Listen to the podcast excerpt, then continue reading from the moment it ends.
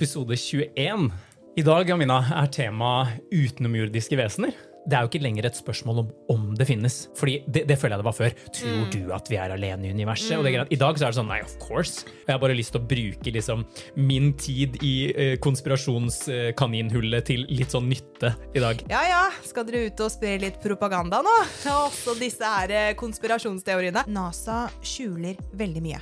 De vil ikke vårt beste. Nå putter de larver i maten vår. Oi, de er ute etter oss. Er de her? Hvordan fungerer verden? Har de, har de løyet oss? Dette er fakta, hallo. Du kan ikke, du kan ikke argumentere med fakta. Se på heksene, da. Å, herregud. Brent på tidenes bålet. konspirasjonsteori! Ja. Velkommen til konspirasjonspodden, dere. Folk klarer ikke å akseptere at andre har en annen mening enn dem Nei. om noe som er kontroversielt. Og da er jo spørsmålet hvorfor det? Altså, Jeg har jo veldig mye aliens i hodet. Det begynte med liksom disse blå vesenene. Jeg har jo uh, kontakt med, med et lysråd som uh, for meg har presentert seg som uh, Råda 3.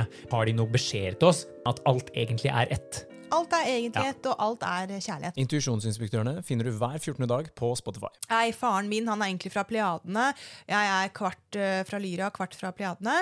Og så er moren min menneske.